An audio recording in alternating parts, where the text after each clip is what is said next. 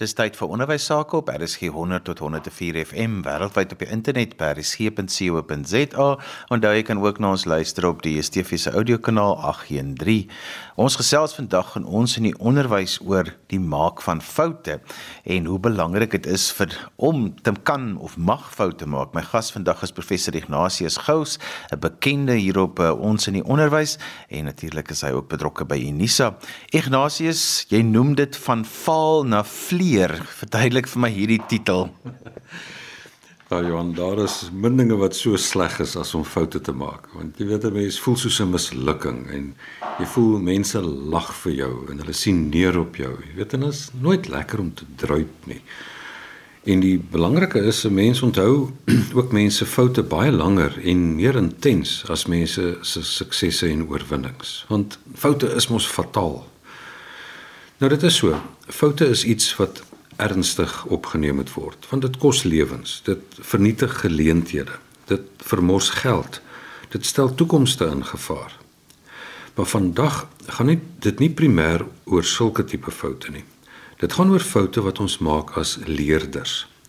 Groot foute is wel uiteindelik die gevolg van gebrekkige leer, soos wanneer 'n vliegtyg val as gevolg van 'n vlieëniersfout of pilot error of wanneer 'n gebou in mekaar val as gevolg daarvan dat ingenieurs en bouers nie die regte berekenings of prosedures gevolg het nie.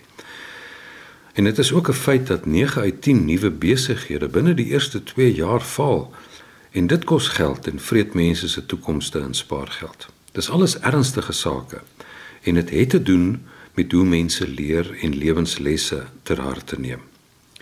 Maar vandag gaan dit oor foute wat leerders maak. En hier moet 'n mens dus eers sulke foute klassifiseer. Nou Eduardo Brieno het in 2015 'n baie interessante uh, klassifikasie van foute gemaak. Waar hy gesê het jy kry foute wat gaan oor insig. Dis uh, waar jy op die ou end moet kyk na verstaan. Um, ek is nog nie so goed met iets nie en ek is besig om dit te bemeester en dan maak ek foute. En dan sê ek jy kry strekfoute.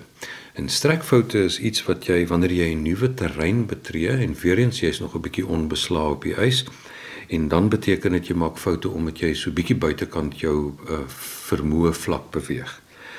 Maar dan sê jy jy kry agterlose foute waar jy gewoon foute maak omdat jy nie fokus nie. Hy noem dit sloppy mistakes. En dan die ander tipe van foute wat hy noem is hoë risiko foute of high stakes mistakes. Wanneer jy met ander woorde tipe van dinge doen wat totaal nou eintlik uh onnoosel is wanneer jy heeltemal buitekant jou veld is. Uh dis anders as strek. Nou die eerste twee insigfoute en strekfoute is foute wat vir jou help om te leer terwyl agterlosige en hoë risikofoute is nie regtig leerfoute nie. Dit is goeters wat eenvoudig dit het nie hou nie lesse in nie dit hou net skade in. En die uh, belang is dus 'n mens moet leer om foute te maak. En ook om die tipe foute wat mens moontlik kan maak te kan beoordeel en te kalibreer. Colin Cruz het hier 'n boek geskryf met die titel Risk Fail Rise Want foute is nou maar eenmal deel van die lewe. Maar 'n mens moet leer om produktiewe foute te kan maak. Foute wat 'n mens vooruitbring in die lewe. Want die ander kant van die saak is nou weer as jy geen foute maak nie, dan beteken dit jy kom nêrens nie. En uh iemand het op 'n tydstip gesê as jy nêrens kom nie en as jy 'n mislukking is, is dit 10 teen 1 omdat mense opgehou het net voordat hulle begin sukses behaal het. So, as sodanig is dit mense is dit dus mense wat onderrig in skole, universiteite en opleidingsinstansies se verantwoordelikheid om leerders te help foute maak. Maar dit is egter nie tradisioneel primêr as deel van ons taak gesien nie. Ons gee onderrig en ons penaliseer hulle vir foute. Studente wat min foute maak, word as goeie studente gesien. En studente wat baie foute maak, druip en hulle word as dom gesien. Nou dis bietjie oorvereenvoudig gestel, maar dit is nogtans waar. Dink maar terug aan jou eie opleiding en hoe jy gevoel het en wat met jou gebeur het as jy toets en eksamen geskryf het en nie so goed gedoen het nie. Die rede vir hierdie toedrag van sake het deels te doen met die manier hoe ons tradisioneel onderrig gee en doen. Want tradisioneel gaan onderrig in wese oor vertel en toets. In navorsing staan dit in Engels as die IPS model bekend: instruction followed by problem solving. En summatiewe assessering is iets waar ons regtens verwag dat 'n leerder en student moet 'n sekere vlak van kompetensie kan vertoon. Maak nie saak op watter vlak van Bloom of Barrett of wie ook al se beskrywing van hoe kompetensie lyk hoe dit beskryf word nie. As jy kan herhaal en as jy kan vertoon of as jy kan uitvoer, wys dit jy het goed geleer en selfs dit wys ook dat die onderrig van hoë gehalte was. Nou weer eens hiermee is niks verkeerd nie, want vooruitgang is net moontlik as mense regtig kundig is in wat hulle doen en weet. Anders gaan vliegtye nie vlieg nie, brûe gaan nie hou nie en kos gaan nie lekker smaak nie. Hierdie manier van onderrig het ook ongekende vooruitgang teweeggebring. Kyk maar net rondom ons. En dit werk vir alles 'n mens in 'n kort tydjie baie wil oordra of as die medium hom nie vir terugvoer leen nie soos wanneer ek nou op radio praat of in nog 'n paar ander omstandighede. En dan hang dit ook af van die leerder om te gaan bemeester en om te kan bewys dat 'n mens so foutvry as moontlik weer kan gee. Want soos ons gesê het, foute kos lewens, dit kos geld en dit terugskade aan. En daarom is die doel van leer om nie foute te maak nie. Maar die wese van hierdie manier van onderrig is dit egter dat dit oor die regte antwoorde gaan. En diegene wat die regte antwoorde kan weergee of regurgiteer of kan ken, hulle presteer. Maar die vraag is egter of hierdie van on, hierdie manier van onderrig net goed gedoen het.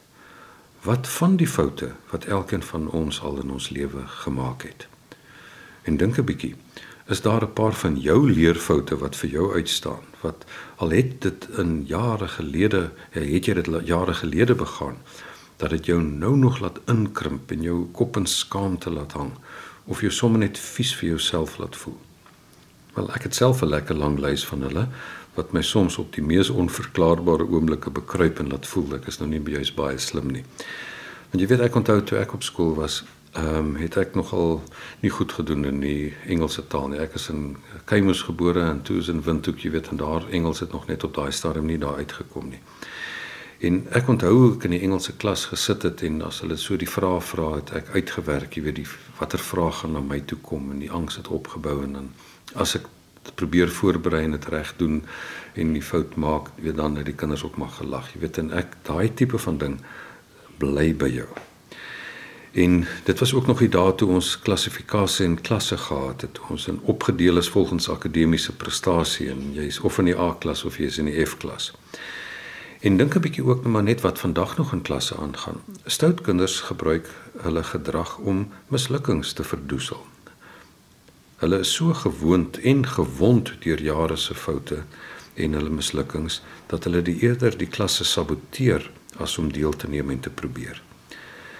En dit is ook hoekom meeste van ons nie uitermate opgewonde oor toetse en eksamens voel nie, want dit is dikwels daar waar jou vind jou foute jou punte gekos het. En as daar baie van is 'n ekstra jaar of twee by jou beplande studietyd aangelas het.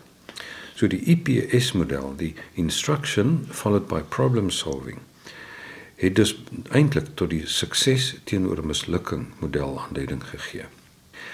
Maar nou deesdae word in die navorsing oor die PSI model gepraat, waar problem solving eerste kom en dit word dan gevolg deur instruction. En dit is waar 'n soort van 'n toets die instruksie voortafgaan en waar foute maak 'n integrale deel van die onderrig uitmaak. Waar dit in die IPS model oor die regte antwoorde gaan, gaan dit in die PSI model oor die regte vrae wat ons moet vra. En dit gaan veral oor die strategie om die regte antwoorde te vra om uiteindelik by die toepaslike antwoorde uit te kom. So dit is dieselfde einddoel, maar daar is verskillende roetes daarna toe. En in hierdie model is foute maak 'n integrale deel. Nou ja, nou vra jy vir my, hoe werk dit? Wat is productive failure? Wat is van from failure to learning? Of hoe kan 'n mens vooruit fouteer? In die PSI model begin die onderrig deur van die leerders te verwag om een of ander lewensnabye probleem of uitdaging aan te spreek en om 'n oplossing daarvoor te vind met gebruikmaking van die kennis en die beginsels waaroor dit wat in die les gaan volg gaan. Daar word dus verwag dat die leerders foute gaan maak en dat die foute as ware beplan word of ten minste voorsien word as geleenthede vir leer en groei. Nou ja, om hierdie aanpak te verstaan, is daar 'n paar onderliggende beskouings. Die eerste ene, die primêre wesenlike uitgangspunt van leer is konstruksionisme.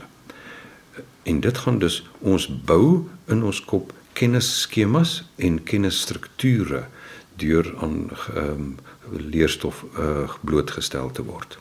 Die tweede ding is hierdie gaan ook oor aktiewe leer.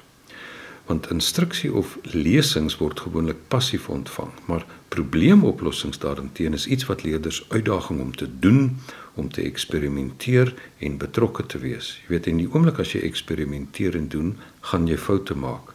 Maar as dit klein foutjies is, dan is dit ehm um, produktief. Ignatius, jy het nou al vir ons baie mooi gesê van mens kan leer uit jou foute uit, maar wat tog belangrik is is dat 'n mens die regte ingesteldheid sal hê as jy foute maak en en dit mens die regte Engels is so mooi woord daarvoor die mindset sal hê. So vertel 'n bietjie vir ons daarvan. Mindset is geweldig belangrik wanneer 'n mens oor foute dink. Want Carol Dweck wat hiermee gewerk het, het onderskei tussen 'n fixed mindset en 'n growth mindset. En 'n fixed mindset gaan dit vir haar oor dit vermoë om beter te leer en om minder foute te maak. Dit is waarmee mens amper gebore word. En hoe minder foute jy maak, hoe beter is jou vermoë, hoe slimmer is jy. Die teenoorgestelde daarvan is hoe meer foute maak, beteken dit eintlik dit wys dat hoe dommer is jy.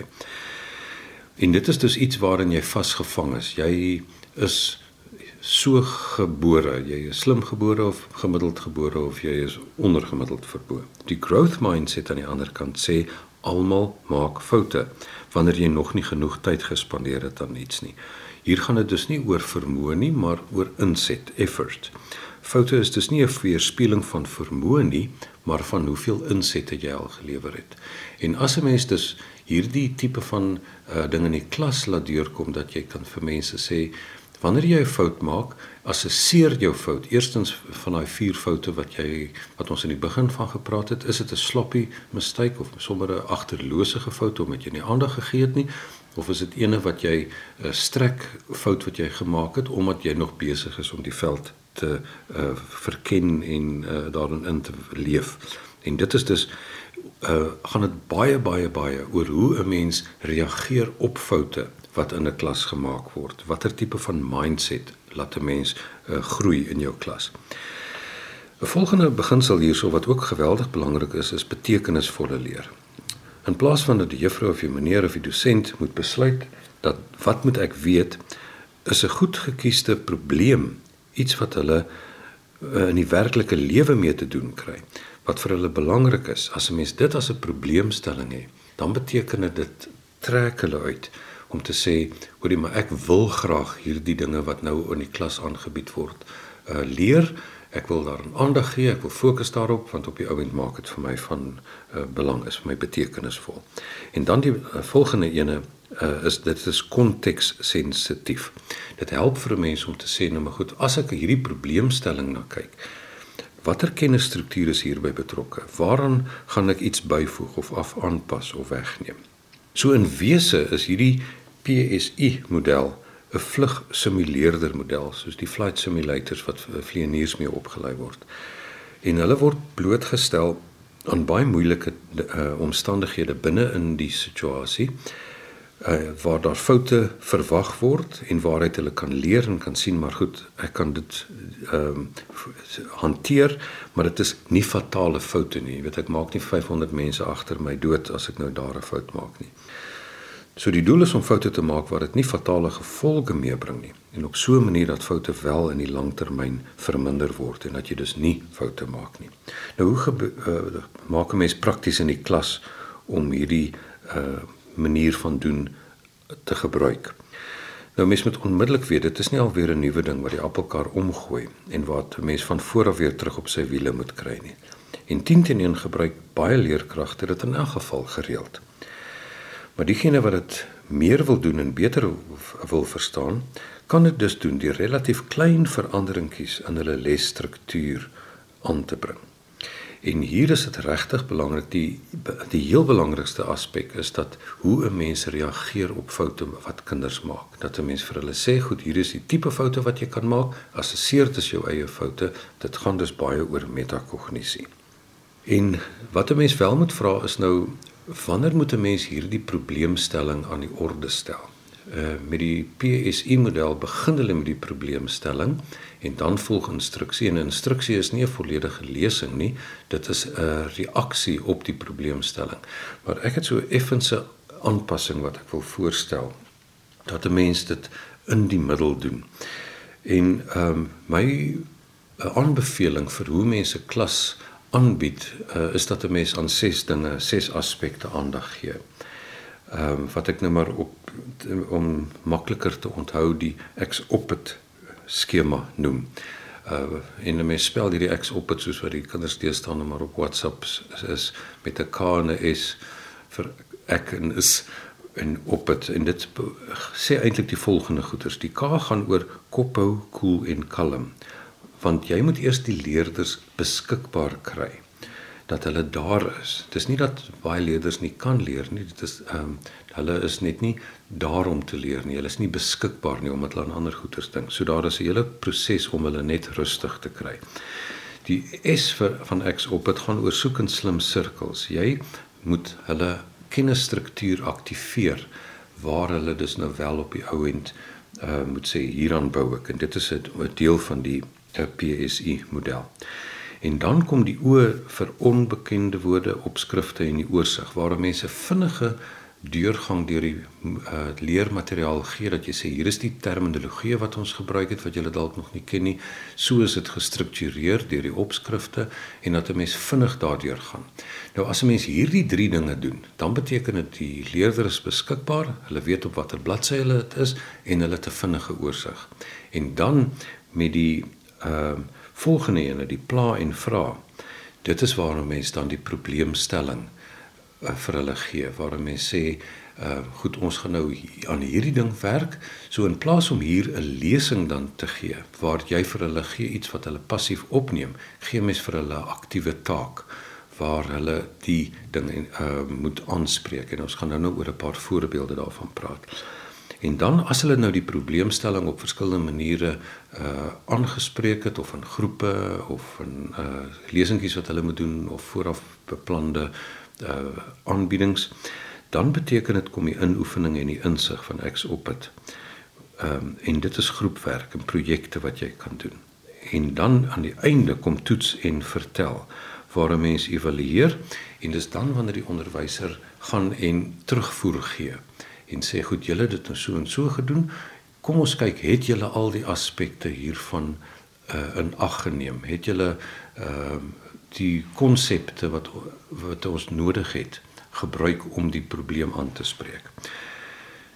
As mens byvoorbeeld kyk na 'n paar uh, voorbeelde kom ons kyk na die tale. Die staal wat in die tale aangebied word is baie interessant waar hulle praat oor uh, advertensies en uh strokiesprente om dit te kan kan interpreteer. Nou advertensies is 'n geweldige interessante manier om te leer omdat eerstens dit is iets waarin elkeen van ons elke dag blootgestel word en uh mens kan al die aspekte van taal hier ter ter sprake bring. Jy weet om te kan luister, om te kan lees, om te kan beoordeel uh om die verskillende soorte taal is dit manipulerend, is dit insiggewend. En om vir hulle dus te sê, goed, ehm um, hier is sinne maar 'n advertensie oor 'n sekere saak, maar julle moet self eene maak oor 'n spesifieke ding wat uh julle wil verkoop. En dan dit na die tyd te vergelyk met bestaande advertensies daaroor, dan kan 'n mens kan sien, maar goed, hoe wat het hulle gedoen? Wat het hulle ingesluit? Wat het hulle uitgelaat? En op dië manier is dit 'n baie aktiewe manier van leer om op die oomblik te kan sê dit is iets wat vir julle van belang is. Dink 'n mens byvoorbeeld aan die ekonomiese wetenskappe.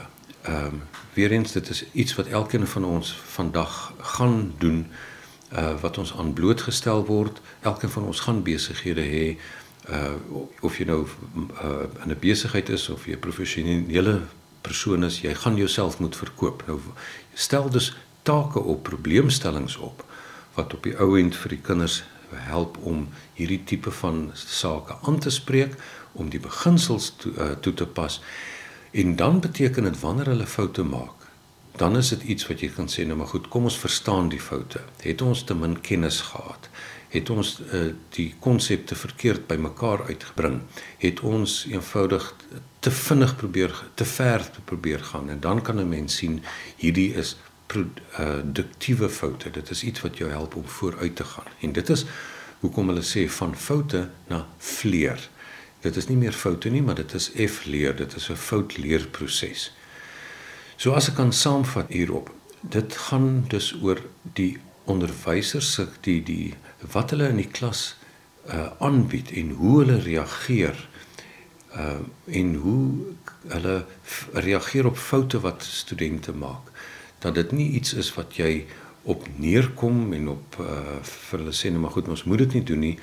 Dit is iets wat 'n mens kan kalibreer dat 'n mens met klein foutjies wat nie fataal is nie vooruitgaan en op die manier leer uh vir kinders om in die wêreld risiko's te kan neem. Maar nie sulke groot risiko's dat 'n mens skade aandoen nie maar risiko's genoeg dat 'n mens vooruit kan kom in die lewe Ignatius, as mense met jou verder hieroor gesels, hoe kan hulle met jou kontak maak? Hulle kan vir my gerus skakel by 0834591902 of hulle kan vir my 'n WhatsApp stuur op daardie nommer of hulle kan ook vir my 'n uh, e-pos stuur by ignatius.gous@gmail.com. En so gesels professor Ignatius Gous en hy het vandag geluister na ons in die onderwys saam met my Johan van Lille. Ek wil sommer afsluit met die aanhaling van Henry Ford, the only real mistake is the one from which we learn nothing. Ons het vandag gesels oor die maak van foute en hoe kinders en leerders hieruit kan leer en hulle ook dit vir hulle kan help om te ontwikkel. Onthou jy kan weer na vandag se program luister as 'n potgooi, laai dit af by resgep.co.za. daarmee groet ek dan vir vandag tot volgende week van my Johan van Lille. Totsiens.